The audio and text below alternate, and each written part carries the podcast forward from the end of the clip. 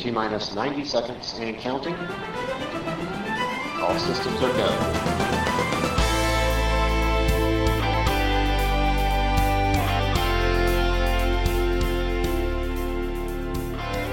Hallo, leuk dat je luistert. Dit is Save the Earth, de podcast. Mijn naam is Lenny Tamerus. In elke aflevering ontmoet ik een van de mensen rondom de theatershow Save the Earth. Ik ga op zoek naar hun motivatie, hun ideeën en naar de mooie verhalen achter de show. Het is heel gaaf om te zien dat astronauten eigenlijk allemaal ambassadeurs worden van, eh, voor een betere aarde. Dit is deel 2 van het gesprek met weerman en klimaatdeskundige Reinier van den Berg. In deel 1 vertelde hij hoe hij ooit weerman werd en waarom hij een half jaar geleden stopte met die droombaan.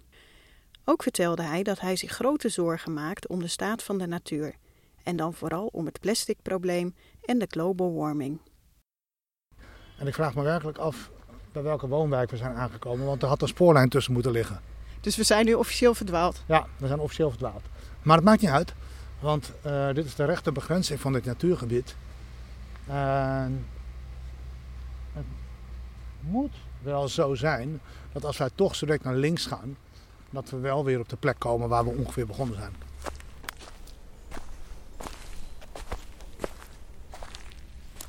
De oudste artikelen over dat de aarde gaat opwarmen als we kolen en olie blijven verbruiken, dateren uit het jaar van de Titanic, 1914. 100 Wow. jaar geleden, ruim, wisten we al dat wat we het nu over hebben, zou gaan gebeuren. Oud nieuws, Waarom is er nooit iets mee gedaan? Omdat het jou en mij niet uitkomt. Wij willen eigenlijk eh, lekker door blijven gaan met onze manier van economie bedrijven. Nog goedkoper vliegen, eh, nog meer met eh, de auto of nog meer wegwerpartikelen. Het komt ons niet uit en het komt zeker de economie en de industrie niet uit. Is dat niet heel cynisch? Dat is wel de realiteit. Ehm, het is toch ook zo dat wij graag op vakantie het vliegtuig pakken en voor drie tientjes naar Nice gaan. Weet je, die, die film van Al Gore, die daar natuurlijk ook heel veel aandacht voor gevraagd heeft, heette niet voor niets de Inconvenient True. Oftewel, het is de waarheid, maar het is wel de ongemakkelijke waarheid. En wij willen er eigenlijk niet aan.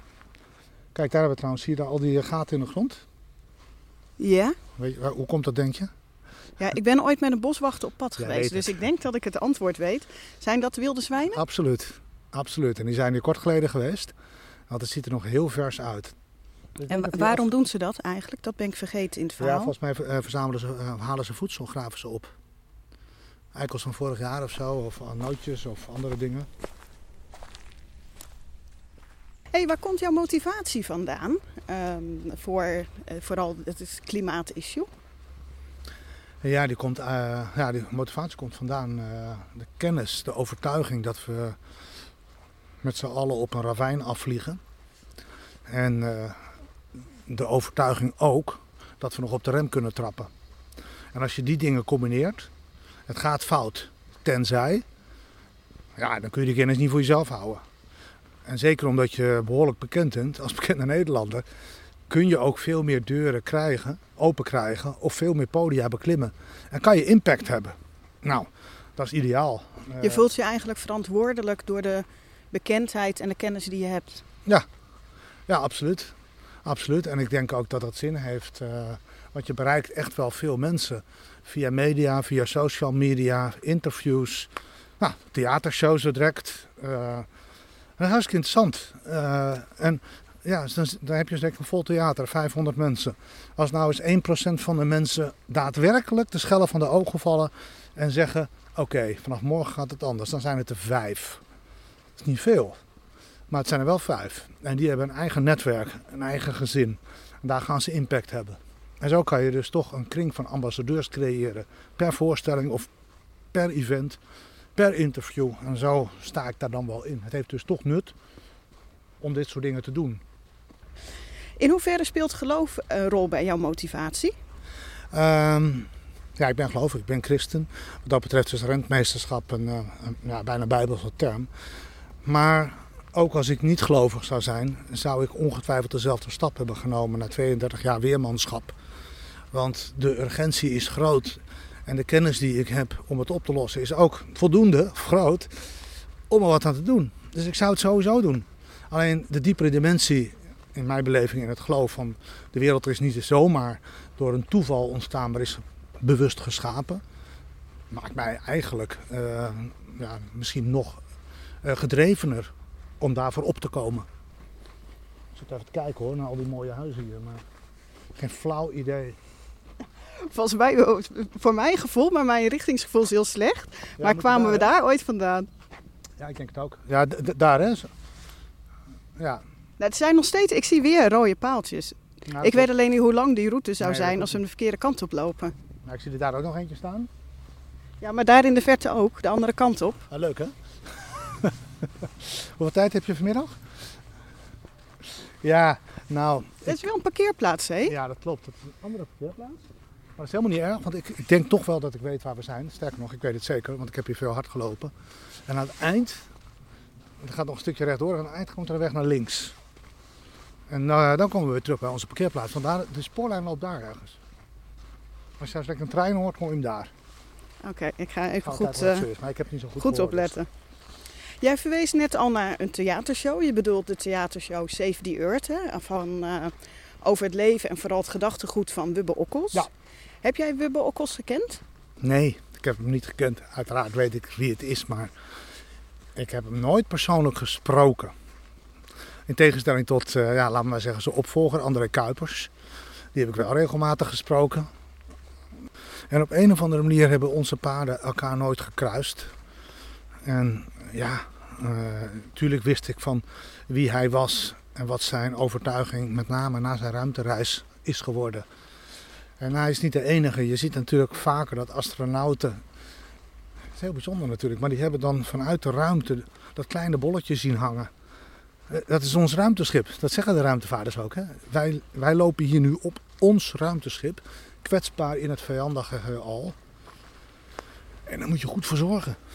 Want daarbuiten is geen leven. Dus het is heel gaaf om te zien dat astronauten eigenlijk allemaal ambassadeurs worden van, uh, voor een betere aarde. En wat is jouw rol precies bij Save the Earth? Um, ja, wat ik eigenlijk uh, een beetje ben is een soort van reporter, zeg maar. Dus ik ga naar een paar locaties of plekken toe. Waarbij ik de mensen in de zaal via Jurgen, die, hè, die mij aanspreekt, of ik hem. Jurgen Rijman. Jurgen Rijmans, ja. Uh, iets laat zien.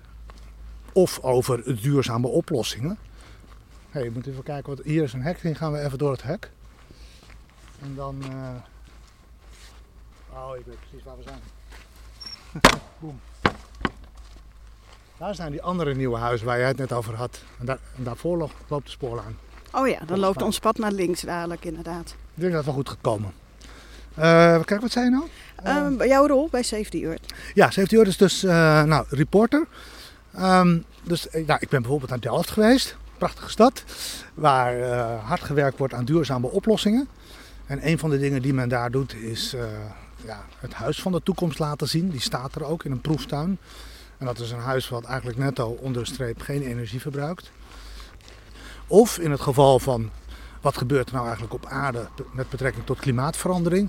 Nou, kom maar kijken op de gletsjers in Noorwegen, de ijskap in Noorwegen. Zo mooi zijn ze, maar ook zo kwetsbaar zijn ze. En dan leg ik op de gletsjer uit, niet alleen hoe mooi die is en hoe die ontstaat, maar ook dat hij dus kleiner wordt. Maar ook wat het nut van een gletsjer is op aarde. dan ga ik weer opnieuw even kijken. We zitten nog steeds aan de rand van die woonwijk en dat is eigenlijk niet de bedoeling. De Veluwe begint hier, zie je dat? Wij gaan uh, zo proberen. Maar we, we, liepen niet in de Veluwe. Ja, het, nou ja, we zitten dus op de rand van de Veluwe, maar op een of andere manier komen we toch een beetje verder aan de buitenkant. En het zou toch fijn zijn om het beginpunt ooit weer terug te vinden. Want hoe heet het uh, gebied waar we eigenlijk lopen? Dit is de Sijsselt. Sijsselt in Ede. Maar hier zitten we duidelijk aan de buitenzijde, want hier zitten we al tegen de huizen aan te kijken. Dus, maar ja, op de gletsjers, ja, het nut van gletsjers. Heb je ooit wel eens gerealiseerd dat bijna elk continent zijn eigen gletsjers heeft? Als je naar de wereldkaart kijkt, Zuid-Amerika heeft de Andes, Noord-Amerika de Rocky Mountains. Scandinavië heeft zijn eigen hoge bergen. Europa de Alpen. Azië de Himalaya. Nieuw-Zeeland heeft gletsjers.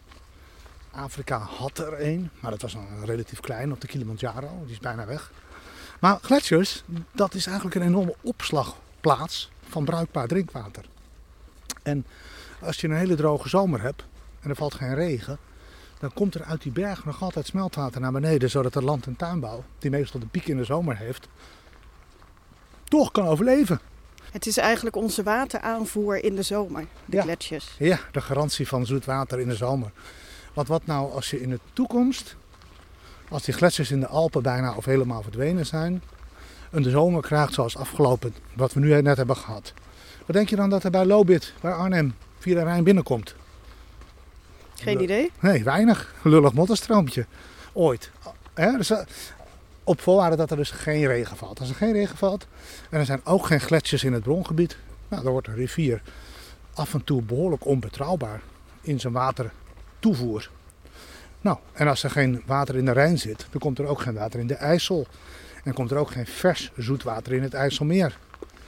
Snap je? Dus dan zijn er een heleboel problemen die ineens opdoemen als dat in de toekomst echt serieus wordt. Geen water meer voor land- en tuinbouw. Geen scheepvaart. Ook dat. Geen recreatie. Ook dat. Ja, dat zijn denk ik dingen die we in de toekomst op grotere schaal gaan zien. En jouw rol in Save the Earth is dus eigenlijk dat je mensen mee op reis neemt naar plekken waar je de gevolgen van de klimaatverandering ziet, maar ook naar mensen die bezig zijn met oplossingen ervoor. Ja, die twee dingen vind ik heel erg bij elkaar horen. Elke keer als ik op een podium sta en een verhaal vertel, is het eigenlijk ook die tweetrapsraket. Enerzijds de ernst van het verhaal en anderzijds dat wij het tij kunnen keren. Of als je het met, een, eh, met de klok vergelijkt. Eerst laat ik de mensen zien dat het 5 over 12 is. Daarna laat ik de mensen zien dat we de klok kunnen terugdraaien naar 5 voor 12. Maar dan Is dat wel- zo? Kunnen we, kunnen we alles wat we nu aan zooi de lucht ingeholpen hebben en de oceanen ingeholpen hebben, kunnen we alle effecten nog terugdraaien? Mm, in, theorie, in theoretische zin kunnen wij die klok terugdraaien. In de praktijk zal blijken dat we het veel te laat en te langzaam doen. En dat de problemen in de komende 30 tot 60 jaar, die we nu al zien, alleen maar groter worden. Zowel voor plastic als ook voor die temperatuur eh, op aarde, smeltende ijskappen en gletsjers, extreem weer, wateroverlast en al dat soort dingen meer. Hoe ziet de wereld er over 100 jaar uit? Ehm, ik, ben, ja, nou, het is, het is- ik durf met zekerheid te stellen dat die echt veel warmer is dan nu. Met veel warmer bedoel ik dan een temperatuur die 2 tot 4 graden boven die van nu ligt. En dan zou je als platte Nederlander kunnen zeggen, "Mwah, wel lekker.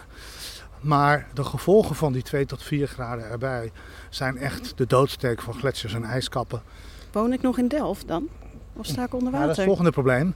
Eh, als die ijskappen, zoals die van Groenland en Antarctica, verder gaan smelten, dan komt er dus steeds meer water in de oceanen.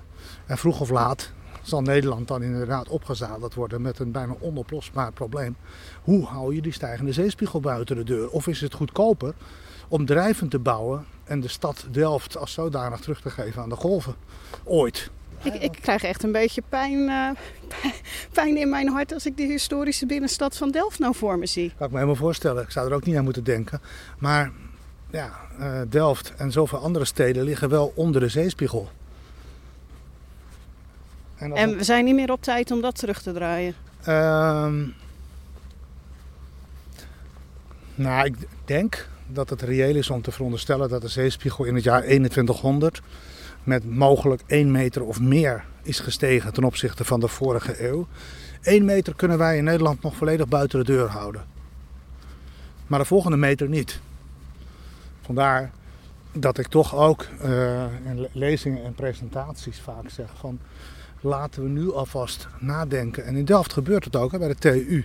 Wat kunnen we met drijvende bouw voor, is het niet voor Nederland? Dan is het voor Miami, voor Jakarta, voor Bangladesh, waar die problemen nu al, van de stijgende zeespiegel, grote problemen veroorzaken. Ja, dus eigenlijk zeg je, er zullen consequenties zijn. Het is niet helemaal meer terug te draaien. Maar we moeten aan een plan B beginnen. Ja, we moeten zeker aan een plan B beginnen. En liever gisteren dan vandaag. Nou, hè, zien we dingen als klimaatakkoorden op gang komen. Er wordt uh, breed uitgediscussieerd over van gas los. Um, dus er begint wat te gebeuren. Maar ja, het gaat wel vrij langzaam hoor. En uh, als het in een ontwikkeld, een rijk land als Nederland al langzaam gaat, wat moet je dan denken van opkomende economieën, waar de eerste prioriteit weer anders ligt? Die regen, uh, ja. Reinier. Wat zei je? Die regen, jij bent toch een weerman. Als jij met een paraplu aankomt, geloof ik je. Ja, ik, uh, ik begin mij ernstig zorgen te maken over of die regen nog wel komt. Want volgens mij is daar al de parkeerplaats. Zijn we toch goed gelopen, hè? Vind ik wel een hele prestatie. Ja, met een omweg, maar we moesten toch dat interview nog verder maken, toch? Ja, ik vind het ook niet erg, maar om nou te zeggen dat we niet verdwaald zijn. nou, oké. Op een gegeven moment hadden we wel even het gevoel. Maar die regen is er nog steeds niet. Daar heb je helemaal gelijk in. Bedankt voor het luisteren. In de volgende podcast spreek ik met Shaquille en Garezi. Deze twee mannen schrapen kauwgom van de Amsterdamse straten en maken er schoenen van. Uh, tussen de 20 en 30 procent uh, kauwgom zit erin verwerkt. En ja, dat, dat doen we puur met de reden dat, ja, dat een persoon gewoon normaal op de schoen kan lopen. En ja, anders uh, zou het smelten als bijvoorbeeld te warm zou zijn.